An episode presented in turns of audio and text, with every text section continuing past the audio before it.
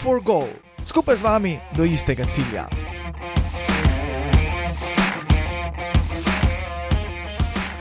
Spoštovane poslušalke, spoštovani poslušalci, športni in drugi navdušenci, dober dan in lepo pozdravljeni v peti oddaji športnega podcasta Go for Goal.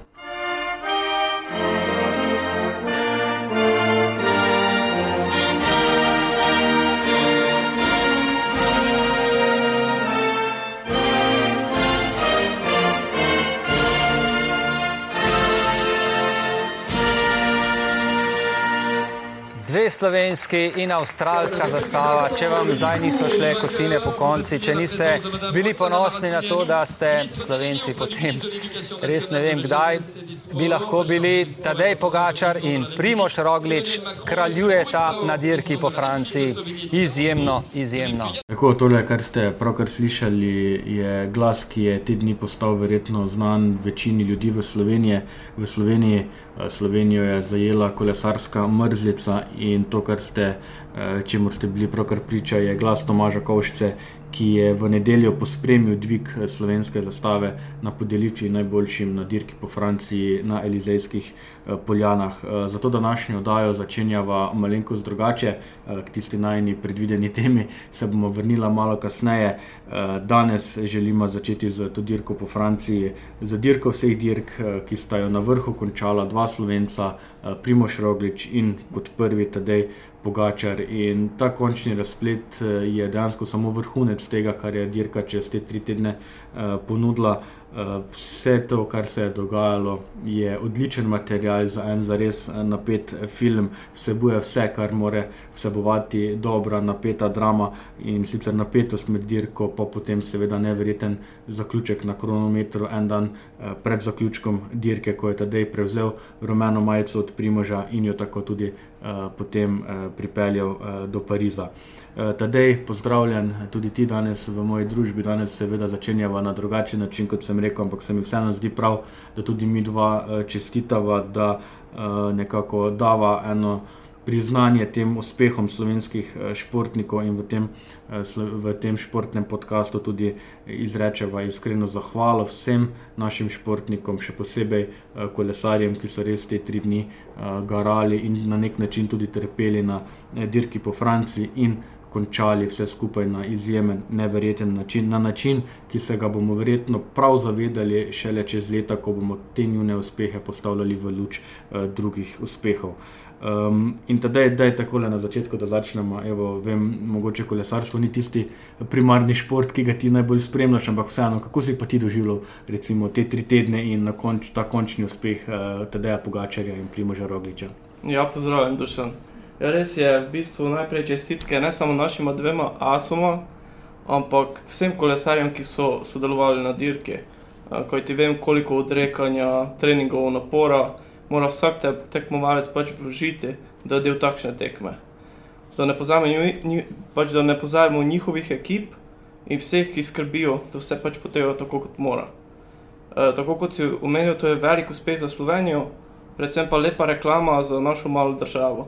Uh, nihče si ne more predstavljati, kaj lahko takšna majhna, kako lahko v bistvu takšna majhna država izstreli takšne športnike. Ja, ti športniki so res uh, v bistvu dokaz, da je s trdim delom in veliko odrekanja mogoče prav vse. Zdaj, kako sem v bistvu doživljal, uh, zmotili so me predvsem komentarji nekaterih slovencev, ki so se spet pač pokazali v tisti svoji lučine. Mm -hmm. Boš kaj več povedal o tem? Uh, vemo, ja, vse komentarji so vedno takšni in drugačni. Ampak tisto, kar moramo vedeti, je, da uh, v soboto po kronometru, ne, torej zdaj pet dni nazaj, je bilo ogromno strtih src v Sloveniji, predvsem zaradi Primoža Rogliča. Ogromno ljudi nas je, no, bom rekel tako, privoščilo Primožu tudi končni rezultat, na drugi strani smo imeli pa izjemen uspeh. Eh, Tadeja Pogačarja in uh, dejansko so se ta čustva zelo mešala. Ne? Na eni strani je eno razočaranje zaradi Primoža in pa neverjeten ponos in veselje zaradi Tadeja, ampak mislim, da sta uh, oba športnika že takoj po tej ključni etapi, ko je Primož uh, pristopil do Tadeja, mu čestital za zmago. Pošteno je tudi Primož priznal, da je bil Tadej enostavno boljši, da si je zaslužil, da si je on sicer želel prvo mesto, ampak da zaslužil si je drugega in to je neverjetna bom rekel, neverjetno stališče nekoga, ki je bil v danem trenutku sicer poražen, na koncu pa pokazal eno uh, svojo pravo uh, veličino. Ampak kot praviš, ja, uh, komentarji so bili takšni in drugačni, ampak vsi tisti, ki nekako imamo iskreno radi šport, sedaj ko so se čustva po vseh teh dneh že malo umirila, mislim, da vidimo, da je tudi končni vrstni red točno takšen, kot mora biti in točno takšen, kot sta si ga ne na zadnje tudi oba zaslužila in si oba zaslužita spoštovanje. Vedno bodo pa komentarji, vedno bodo mnenja, ne na zadnje tudi francoski mediji, ki so izrazito naklonjeni samo francoskim kolesarjem. Nekateri, da ne bom rekel vsi, no, so že začeli tudi ugibati o nedovoljenih uh, substancah in podobno, ampak uh, verjamem, da uh, to ni prava zgodba za ta čas, ampak da se moramo trenutno res veseliti uspeha naših uh, dveh športnikov. Um, ampak tedaj ne samo, ne samo kolesarstvo, um, mogoče lahko na tem mestu omenimo tudi kakšne menike, uh, presega Luka Dončić, praktično vrstnik tega Pogačarja, uh, potem kaj počne Goran Dragič v konferenčnem finalu lige NBA, uh, da v zlatem letu 2017, v srebrnem letu 2019, ko govorimo o košarki in odbojki, sploh ne govorimo. Da ne govorimo o uspehih slovenske rokometne reprezentance, tretja na svetu, potem četrta v Evropi. Um, vse to nas slovence dejansko postavlja v sam vrh športnih velesil. Pa če se tega zavedamo ali pa ne, ne smo na vrhu uh, in prav je tako, no, da jim tudi mi dva danes damo, mogoče pa taki, eno tako hva, zahvalo in pa eno tako priznanje za vse, kar doživljamo ob uspehu naših športnikov. Ne. Ja, zdaj bi se, če se malo dotaknem Luke. Uh, Luka Dončić iz tekme v tekmo dokazuje, za kakšen dragulj gre. Uh, Vse to niti ni bilo za dvomiti. Jaz, v bistvu, ko sem poslušal intervjuje njegovega očeta, ko je Luka igral še v Madridu, uh, on je govoril s takšno samozavestjo o, o tem, kako bo Liga NBA ustrezala Luki, uh, da je to neverjetno in vidimo, da je imel prav. Uh, kar se tiče ekipnih športov, ki si jih omenil, je to v bistvu ta kemija uh, na obigrišču, ki deluje in ne na zadnje tudi osvaja srce napijačev. Ja, in ta kemija dejansko potem tudi presega, prine, prinaša te rezultate. In uh, obenem, ko, ko govorimo o teh rezultatih, uh, spet so se v zadnjih tednih, ko sta tekmovala uh, Primoš in Tadej, se spet pojavlja ta ugibanja o tem, o veličini posameznih uspehov, ko nekateri želijo primerjati uspehe iz preteklosti z njunima uspehoma. Ampak Jaz mislim, da je najbolj pravično to, da enostavno posameznih športnih rezultatov ne primerjamo med sabo. Eh, enostavno je ne mogoče primerjati uspehe v individualnem ali pa ekipnem športu. Vsak šport ima svoje zakonitosti, vsak športnik pa zase najbolje ve, eh, koliko odrekanja, koliko truda je bilo potrebnega, da je prišel do uspeha, ki si ga je eh, nedvomno zaslužil. Zato mislim, da res takšne primerjave so sicer, bom rekel, primerne za neko gostilniško razpravo, so, so, so zanimive za, neka, za neke debate, tako bolj sproščene, medtem ko v resnih analizah pa mislim, da je to neprimerljivo med sabo. Ja, točno tako. Uh, zdaj v bistvu vsi samo gledamo uh, tiste, ki zmagajo. Ne? Pač ne smemo pozabiti, da so vsi zmagovalci, ne? tudi tisti, ki niso na prvih treh mestih. Ne? Isto, isto garajo, isto se trudijo, odrekajo, ampak pač enkrat zmaga en, enkrat drug. Tako je, in na vrhu, tudi tako kot sta Tadej in Primož pokazala, na vrhu je nažalost prostor samo za enega. Tadej je rumeno majico prinesel, pripeljal v Pariz, Primož jo je več kot zasluženo nosil, mislim, da od 9. do predzadnje etape. Tako da oba in vsi ostali kolesari, ki so prišli do Pariza, naj jim na tem mestu res iskreno, iskreno čestitamo. Moja želja je tudi, da bomo katerega izmed njih v prihodnosti gostila v najnem podkastu, bomo videli, kako se bodo seveda zadeve razvijale. Tako da vsem športnikom, kolesarjem, vsem ostalim iskrene čestitke za vse uspehe. Uh, tako da hvaležni smo res, da uh, prinašajo uh, oziroma predstavljajo Slovenijo na takšen način. Ok, pa se zdaj po tem uvodu, ko smo se nekako ošvrknila, ko smo nekako ošvrknila uh, to dogajanje, aktualno dogajanje, dogajanje na športnem področju, pa se vrnimo na to temo, ki smo jo pa pripravila za danes. Uh, v tej peti oddaji bomo osvetlila en zelo pomemben vidik tudi delovanja eh, naše celotne, da rečemo, organizacije Go for Goal družine in sicer bomo govorili o ambasadorstvu eh, športne eh, znamke Go for Goal. Če se spomnite, že v vodni oddaji smo nekaj povedali na to temo, danes pa bo tedaj še podrobneje predstavil idejo samega ambasadorstva in na kakšen način sodelujemo z športniki in kaj to pomeni za za našo blagovno znamko. V nadaljevanju pa bomo tudi predstavili našo mlado ambasadorko Nežo Dolenc, ki je bila izbrana v enem izmed naših projektov. Ampak lepo po vrsti, ko se je nekako športna znamka pred dobrim letom, letom pa pol postavljala na noge, je bilo potrebno najti en način, kako nogavice in športnike uspešno povezati. Tadej, ti si se že takrat nekako zavedal, da samo s tem, ko si naredil produkt, še delo ni končano, ampak si iskal pot, kako te nogavice čim bolje predstaviti javnosti, kako to, da si prišel recimo na idejo, da bi nogavice bilo najbolje, najlažje predstaviti ravno z ambasadorji. Ja, v bistvu že, že tekom samega razvoja nogavic, sem se povezal s športniki, se pravi, katere sem prosil, če bi lahko naš izdelek, ko bo razvit, testirali ter nam podali svoje mnenje. tukaj bi rad še povedal, da sem bil kar pozitivno presenečen nad športniki, ki so takoj, se pravi brez oklevanja ponudili svojo pomoč, zato še enkrat res hvala. Ker so bili športniki zadovoljni z nogavicami, sem jih nato prosil, če bi postali naši ambasadorji in predstavljali našo blagovno znamko oziroma pač športne nogavice Go for Gol. zdaj v bistvu, zakaj sem se odločil za to potezo? Enostavno zato, ker smo bili šele na začetku naše poslovne poti in odličen način, kako ljudem predstaviš neki produkt, je preko znanih športnikov, se pravi njihovo, uporabniško izkušnjo, da se lahko ljudje poistovetijo s tem. okej, zdaj si govoril o tem, da si pač izbral oziroma se dogovoril z nekaterimi, športniki. kako pa si si sploh izbral športnike? Kaj je bilo tisto glavno merilo, da si rekel: "Okej, tega športnika bom prosil za ambasadorja." zdaj, če govoriva, direkt o ambasadorjih, najbolj me je prepričalo, oziroma zakaj sem se odločil za nekega športnika, je bilo tisto, tista njegova, da je v bistvu v našem produktu prepoznal neki potencial. To je bilo tisto glavno merilo, kajti pač ne bi želel, da naš produkt predstavlja nekdo, ki ni zadovoljen s produktom. tako da ja, to je bila tista, tisto glavno merilo, pol pa seveda pač roko na srce, športnik mora biti malo, malo bolj prepoznaven, da lahko pač predstavlja neki produkt, predvsem ko si na začetku te poslovne poti. Tako da ja, no, in smo se pol obrnili na športnike, in lahko povem še še enkrat, da so vsi sprejeli to, to vlogo ambasadorja naše blagovne znamke. Pa če recimo na tem mestu omeniva samo nekaj imen, verjetno bom koga pozabil, ampak vseeno. nogometni igralec, nogometaš NK Maribora, Marko Stavares, pa potem Borut Mačkovšek, rokometaš, Dominika Čonč, slovenska nogometašica, ki igra za AC Milan, potem če nadaljujem, Rok Zaponšek, slovenski rokometaš, Rok Možič, eden izmed najbolj perspektivnih odbojkarskih, igralcev, slovenski reprezentant in tako naprej.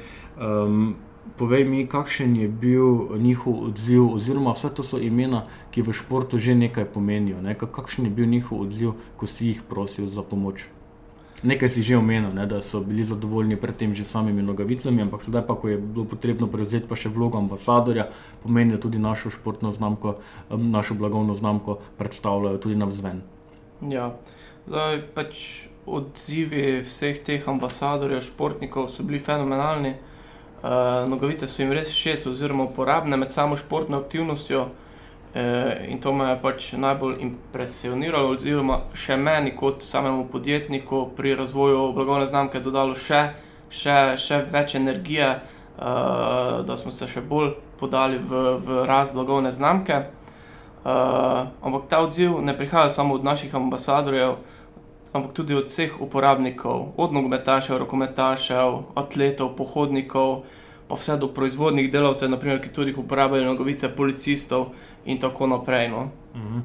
pa se ti je zdelo, da je z njimi ti, ko ste potem se seveda odločili za sodelovanje, ko si se odločil za sodelovanje, kako so pa oni videli to sodelovanje, kaj oni dobijo recimo v zameno za to, da predstavljajo blagovno znamko? Sploh lahko govorimo o tem, da dobijo nekaj v zameno?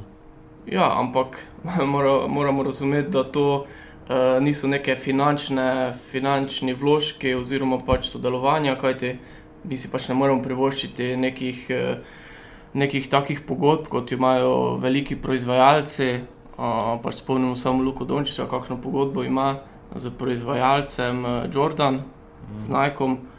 Uh, tako da pač mi smo razložili športnikom, kakšna je situacija, da smo na začetku naše poslovne poti, uh, vsi so to razumeli, se pravi, da nimamo nekih sredstev, s katerimi bi lahko podprli, ampak smo se zmenili, da jim lahko v zameno, uh, da nam pomagajo pri sami prepoznavnosti blagovne znamke, uh, ponudimo nekaj parov nogavic, uh, ki jih lahko pol seveda uporabljajo. Uh, tako da že samo to, da so bili pripravljeni nam pomagati, je spet neki pokazatelj, da gre ne samo za dobre športnike, ampak res za tiste prave ljudi. In res sem vesel, da smo se odločili za te ambasadore, ki jih imamo ob sebi. Ampak, če pa se zdaj nekako tudi predstavimo v to, da sodelujemo z njimi, so naši ambasadori, kako pa si recimo ti predstavljaš njihovo sodelovanje v prihodnosti? Zdaj, v bistvu, če so športniki zadovoljni s produktom, ga bodo z veseljem uporabljali uh, še naprej in to je tisto, na čemer gradimo. Uh, prav tako bodo ti športniki, ambasadori priporočili naš produkt naprej, uh, največ pa seveda tudi skozi svojo uporabniško izkušnjo do svojih, kako bi pač rekel, sledilcev oziroma uh, v bistvu so oni tako vzorniki uh, mladim športnikom in to je tisto, v bistvu, na čemer gradimo. Ampak poleg ambasadorjev, ki so jih omenila, naj povem še enkrat, da so naši ambasadori v bistvu vsi, ki uporabljajo naš produkt. Spravi, od vrhunskih do rekreativnih športnikov, uh, v bistvu na ta način izkažejo, pač, ko uh, kupijo naš produkt, uh, izkažejo podporo naši zgodbi. Uh, ter tako omogočijo, v bistvu, da se mi kot podjetje razvijamo naprej. Uh -huh. uh, že prej si tako omenil, ne, da um, mi kot rekel, blagovna znamka, kot sta ta podjetja, enostavno športnikom ne moremo ponuditi uh, nekih. Sponzorskih pogodb in podobno, da bi lahko se pogovarjali o, takš, o reklamiranju eh, na takšen način. In želim se zdaj usmeriti tudi na to, da na naše elektronska sporočila, na družbena omrežja prihaja ogromno enih prošenj za sponzorstvo, ogromno enih prošenj za pomoč, ki jih prejemamo, predvsem tudi od mladih športnikov, tistih športnikov, ki so šele na začetku uh, svoje športne poti in potrebujejo za razvoj, za napredek tudi podporo. Um, veliko krat smo se tudi mi dva tedaj pogovarjali o tem, kako takšnim športnikom pomagati, ker kot praviš, ne moremo si enostavno privoščiti, da bi podprli vse ki se na nas obrnejo za pomoč, ker je enostavno to tudi v materialnem smislu praktično nemogoče. In ravno iz tega želje pomagati eh, tem mladim športnikom, nadebudnim športnikom, se je rodila ideja za eh, projekt Mladi ambasador eh, Go for Goal. Da jo piši v parih besedah, kaj je sploh ta ideja dejansko bila na začetku, kako se je razvijala in ne na zadnje, eh, kaj smo na koncu s to eh, idejo tudi dosegli. Ja, tako kot si omenil, ogromno mladih športnikov uh, se obrača uh, na nas v želji po sponzorstvu, ampak tega uh, vsakemu ne moremo omogočiti, saj smo mlado podjetje, ki se prebija na trg športnih nogavic, uh, ki je kar velik. Ne? In če bi vsakemu ugodili, se pravi, tej prošnji, lahko takoj končamo našo zgodbo, pač tako je, nažalost. Uh, smo pa vzpostavili projekt Postanje ambasador blagovne znamke Go for Goal s katerim smo spodbudili športnike, da se prijavijo in tekmujejo v igri za novega ambasadorja znamke Go for Goal. Uh, zdaj, kar se tiče odziva, je bil res fantastičen. Uh, na koncu pa smo izžrebali pet kandidatov, s katerimi smo na to upravili uh, kratke razgovore, izpoznali uh, ter na podlagi teh razgovorov uh, izbrali našega novega ambasadorja tu je pa postala mlada atletinja Neža Dolence. Uh mhm. -huh. Če se še zdaj vseeno z parimi besedami vrnemo na sam postopek, recimo tisto, kar je mene pri celotnem tem projektu nekako uh, nagovorilo, je to, da prvo število prijavljenih, ne številka je bila res, eh, mislim, da je oba presenetila, šla je na stotine, v stotine prijavljenih eh, kandidatov. Eh, potem, ko smo mi tudi opravili žreb, ko smo se pogovarjali z petimi kandidati, njihove predstavitve lahko med drugim najdejo tudi najni poslušalci na naši spletni strani. In ko smo se pogovarjali z njimi, se mi zdi, da um, kljub mladosti, kljub temu, da prihajajo iz različnih športnih disciplin, jim je eno, oziroma jim je skupno ravno ta želja po uspehu v disciplini, v športu, s katerim se ukvarjajo, obenem se pa več ali manj vsi zavedajo, da je pred njimi še izjemno naporna, izjemno težka pot, ki ni povezana samo s tem, da morajo vem, se odrekati, trenirati in podobno, ampak je povezana tudi z izjemnimi uh, finančnimi vložki v to, da bodo sploh lahko prišli na raven, kjer bodo razmišljali o tem, da bi lahko s tem svojim športom se tudi preživljali. Spomnim se pogovora pred dnevi, ko smo govorili z enim, ki pozna uh, dogajanje v tenisu, ki pozna dogajanje v, v, pri treniranju in kakšni vložki so potrebni. In če samo vemo, da recimo en 14-15 letnik potrebuje za uspešno izpeljano sezono v tenisu, pa mislim, da je rekel med 50 in 60 uh, tisoč evrov. So to dejansko številke, ki so na nek način večini nepredstavljive, ja. in že na tem začetku se obračajo izjemne vsote, ki jih sploh potrebuješ, pa roko na srce, si zelo malo dosegal do takrat. Ne. Ja, res je. Zdaj, v bistvu, če nimaš podpore, tako kot si rekel, tenis je kar drag šport. Če tukaj zadaj nimaš podpore staršev, pač, kar se tiče finančnega, v finančnem smislu, lahko kar, kar, kar hitro pač, pozabiš na te svoje mm. sanje. Ne? In marsikatere, marsikatere sanje se nažalost končajo tudi uh, zaradi denarja. Ampak, da se vrnem nazaj na projekt, uh, ki smo ga peljali, torej na projekt izbora novega ambasadorja, mladega ambasadorja uh, športne znamke Go for Goal, kot je tadej že prej omenil, uh, po žrebu in po upravljenih razgovorih smo za mlado ambasadorko izbrali Nežo Dolenc. In sedaj sledi tudi en kratek pogovor z njo, kjer bomo tudi Nežo malo bolj podrobno predstavili. Eh, Neža, evo, pozdravljena, ta je najmen pogovor, snemava z enim čudovitim pogledom. Na eni strani imamo Blejski grad, na drugi strani imamo Alpe. Eh, s takšnim pogledom v naravi je verjetno tudi tvoj trening precej lažji. Meni je iskreno zelo všeč trenirati tako lepo okolico, vedno lepo diši po naravi, pa vedno je mirno in vse tiho.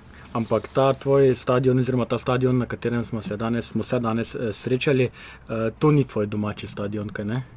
Ne, trenutno v Kranju prenavljamo trtan in potem ne moremo trenirati, zdaj tam že kakšen mesec, zdaj treniramo na bledu. Ampak sem se tudi tam že kar navadila in mi je zelo všeč. Ja, super, tako kot si sama omenila, ne ti prihajaš iz atletskega kluba iz eh, Kranja, tukaj eh, na Bledu pa samo gostujete, dokler, eh, dokler vam tam stadion obnavljajo. Um, omenila sva atletiko, zdaj trenutno se najbolj posvečaš treningu teka na 100 in 400 metrov za ovirami. Um, pred, te, pred tem snemanjem, ko sva se pogovarjala, si dejala, da si v preteklosti trenirala tudi druge discipline, uh, trenirala si tudi na zadnje balet. Povej mi, kako prideš od baleta do atletike?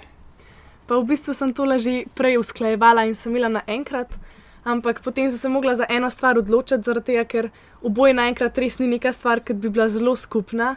Mi je pa zelo balet pomagal pri gibčnosti, tako da pa sem zelo veliko hranila tega in po mojem je kar dobra odločitev. No. Uh, tek na 100 in 400 uh, metrov z ovirami. Um, reči mi, te v preteklosti mikalo, da bi si mogoče izbrala katero drugo disciplino? V preteklosti sem sicer skakala v daljino, bila sem tudi državna prvakinja tudi tekla sem na daljše proge, mislim, takrat so bile šele 600 metrov, ni bilo več daljših. Ampak ja, potem sem se odločila za mnogo boj in z mnogo bojem nadaljevala do lanskega leta, kjer sem se potem poškodovala na večji tekmi, pa sem se odločila potem za ovire. Ampak sedaj, čez približno en mesec, imam spet tekmovanje v mnogo boju in bom mogoče spet probačla. Tako da si še vedno nekako razpeta med 100-400 zovirami, mnogo boj boš pač videla, kam te bo ta pot ja. vodila. Yeah. Ok, odlično. Um, kaj je v atletiki, ne, ne glede na to, katero disciplino v atletiki si boš izbrala, ampak kaj je v atletiki zate tako privlačnega, da si se odločila za to pot, da si se posvetila kraljici športa? Pa v bistvu s to potjo smo začeli že od začetka, vsi moji družinski člani. Um, že moja stara mama je trenirala atletiko in vsi moji bratje in sestre so trenirali. In potem sploh nekako nisem zelo neki razmišljala, ker sem bila majhna, sem že takoj začela v atletiki.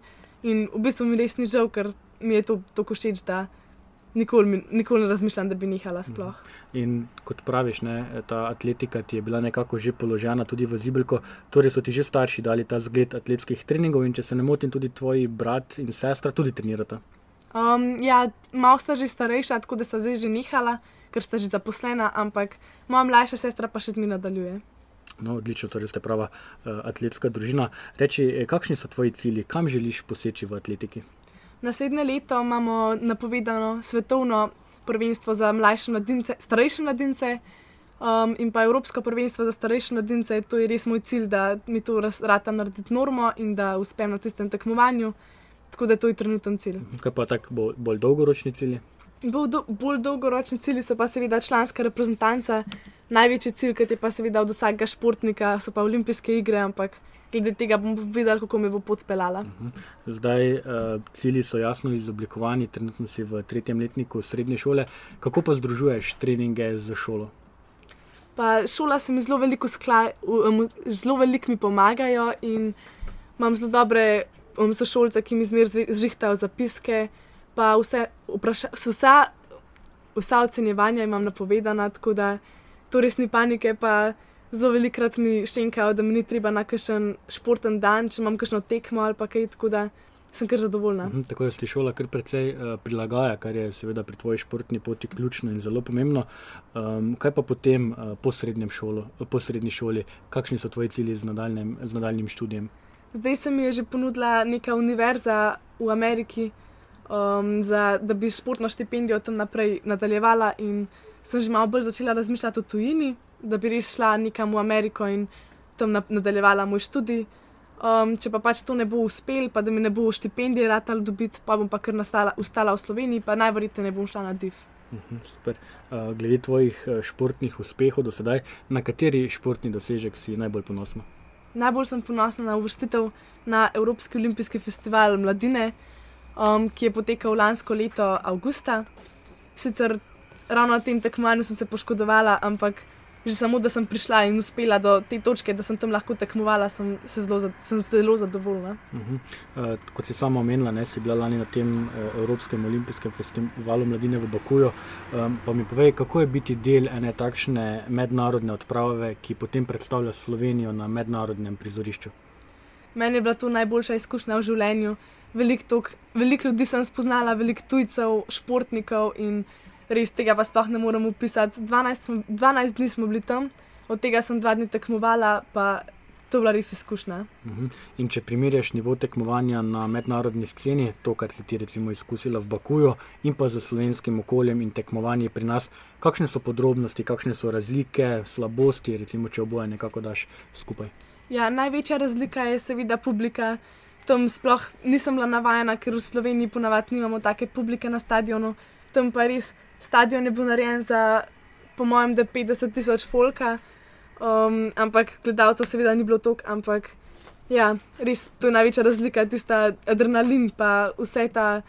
Okolica. Kaj pa ta stres, mogoče to pričakovanje, ki ga takšno tekmovanje prinese v sabo? Stres je pa sploh to. Pa mi je trener rekel, da sem bila že dva meseca prej malo izživcev, pa, ampak mislim, meni se ni toliko zdelo, ampak poj, tiste en teden pred tekmovanjem, to je bilo pa tako stresno, ampak še zmeraj sem bila pa vesela. Uh mhm. -huh. Ampak je bilo vredno, ne vse skupaj. Torej. Ja, to pa res.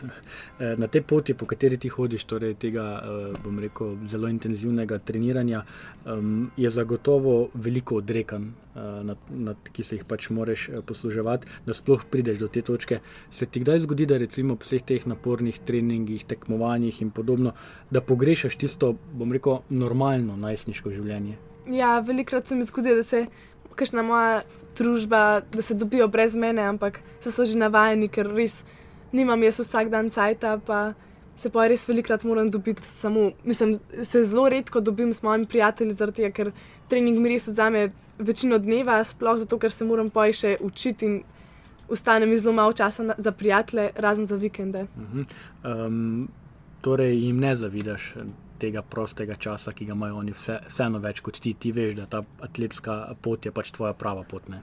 Ja, to sem se že odločila, že ene par let nazaj, ampak včasih res malo pogrešam, ampak po drugi strani sem pa zelo vesela za atletko. Mhm. Zdaj, letos je to leto je nekako zaznamovala eh, korona, torej obdobje, eh, ko tudi tekmovanj atletskih in podobnih eh, ni bilo.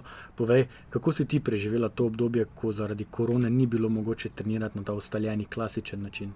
Ja, trenirala sem v mojem um, kraju, kjer živim, ker seveda nisem smela občin prestopati. Um, in ja, meni se je zdelo drugače, zelo velik cajt je bilo um, zaradi šole, pa to, ker smo imeli tako malo manj teh zum ur in potem sem trenirala res dvakrat na dan. Ampak je bilo malo zoporen, ker tisti treningi po Makedamu res ni nekaj tako prijetnega, kot pa na Tortanu, na stadionu. Ampak sem pa veliko na kondiciji pridobila. Mhm. In potem, ko si se enkrat vrnila v šprinterce na stadion, je verjetno bilo vseeno neko olajšanje za tebe. Ja, to je pa čez drugačen občutek, tako da to je pa najboljš. Uh -huh. uh, ko pa govorimo o tem prebujanju atletike v pokoronskem času, pa tudi ne more mimo uspehov naših atletov na mednarodni sceni. Kakorkoli obrnemo, imamo občutek, ne, da se atletika v Sloveniji tudi uh, na tem najvišjem nivoju je v sponu, imamo zelo betaven podmladek. Kako pa ti vidiš uh, te uspehe tvojih atletskih kolegov, pa recimo menimo jih samo par, ne vem, Kristjan Čeh v metodiska res letos dosega izjemne rezultate, uh, Maruša Mišmaš z Rimšek je izboljšala več desetletij star rekord na 3000 metrov in podobno. Kaj tebi pomenijo ti njihovi rezultati? Jaz sem zelo ponosna, ker glede na to, kako smo mehna država, res dosegamo res zelo dobre rezultate. In sicer ne poznam teh naših znanih um, slovenskih športnikov osebno, ampak so pa nekako moji idoli, tako da res hočem jim slediti na tak način. In ko govoriš o teh uh, slovenskih idolih, o idolih iz uh, slovenske atletske scene, kaj pa na mednarodni sceni, kje pa tam najdeš svoje idole? Moja največja idolka na uh, mednarodni sceni je pa Sidney McLaughlin, ki pa teče na 400 metrov vire. Ona je sicer že po 17 letih se udeležila olimpijskih iger in ravno zato mi je nekaj res posebenega, ker je tako mlada, pa tako uspešna. Uh mhm. -huh. In ko vidiš uh, te uspehe, tako slovenskih, kot eh, mednarodnih, oziroma atletov na, na mednarodni sceni, je to tudi zate neka motivacija, uh, ko vidiš, kam so uspeli priti.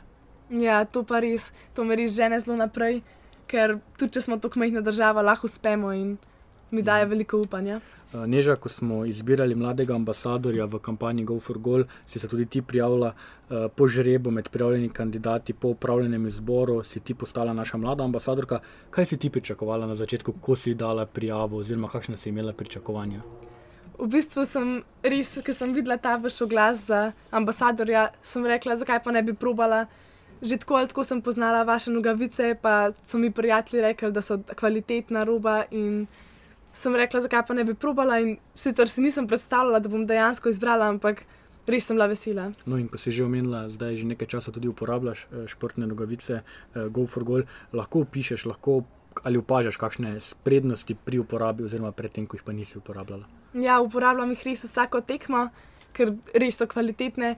Um, zelo mi je najboljš, ker um, so tako um, tople za, za mrzle dni, zelo te pogrejo stopalo in kadar je zelo vroče, ti pa fajn ohladijo, pa zelo so kompaktne okoli gležna, ker meni se je že velikokrat zgodilo, da sem si gležen zvila in odkar jih uporabljam, si, si še nisem.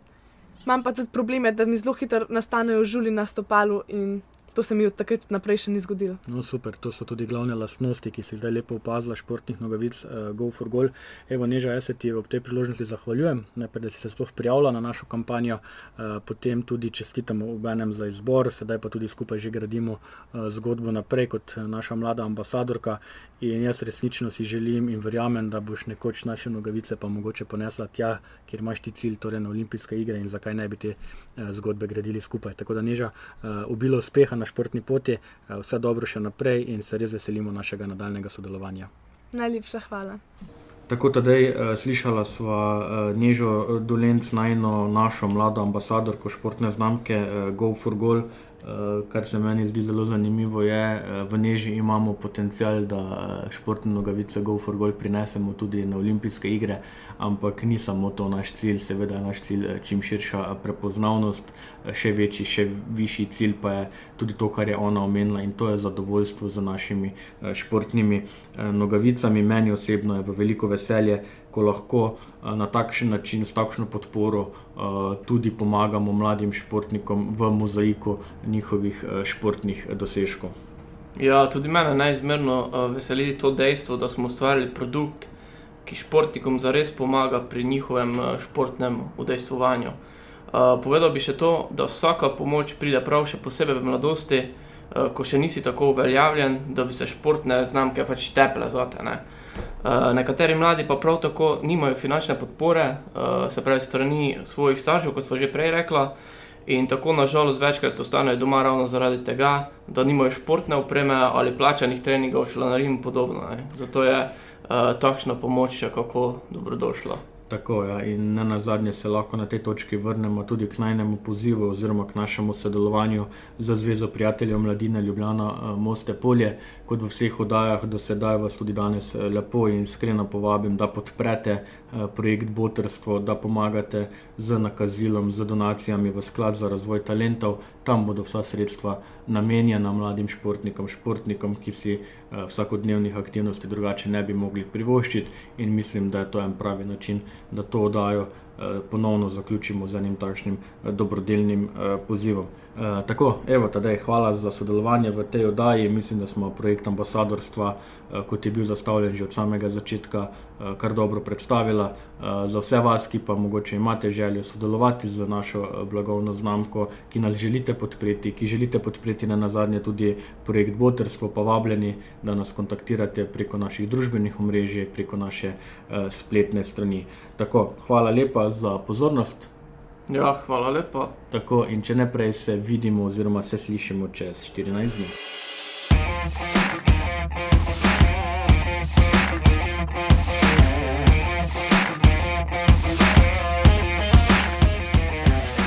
Go for goal, skupaj z vami do istega cilja.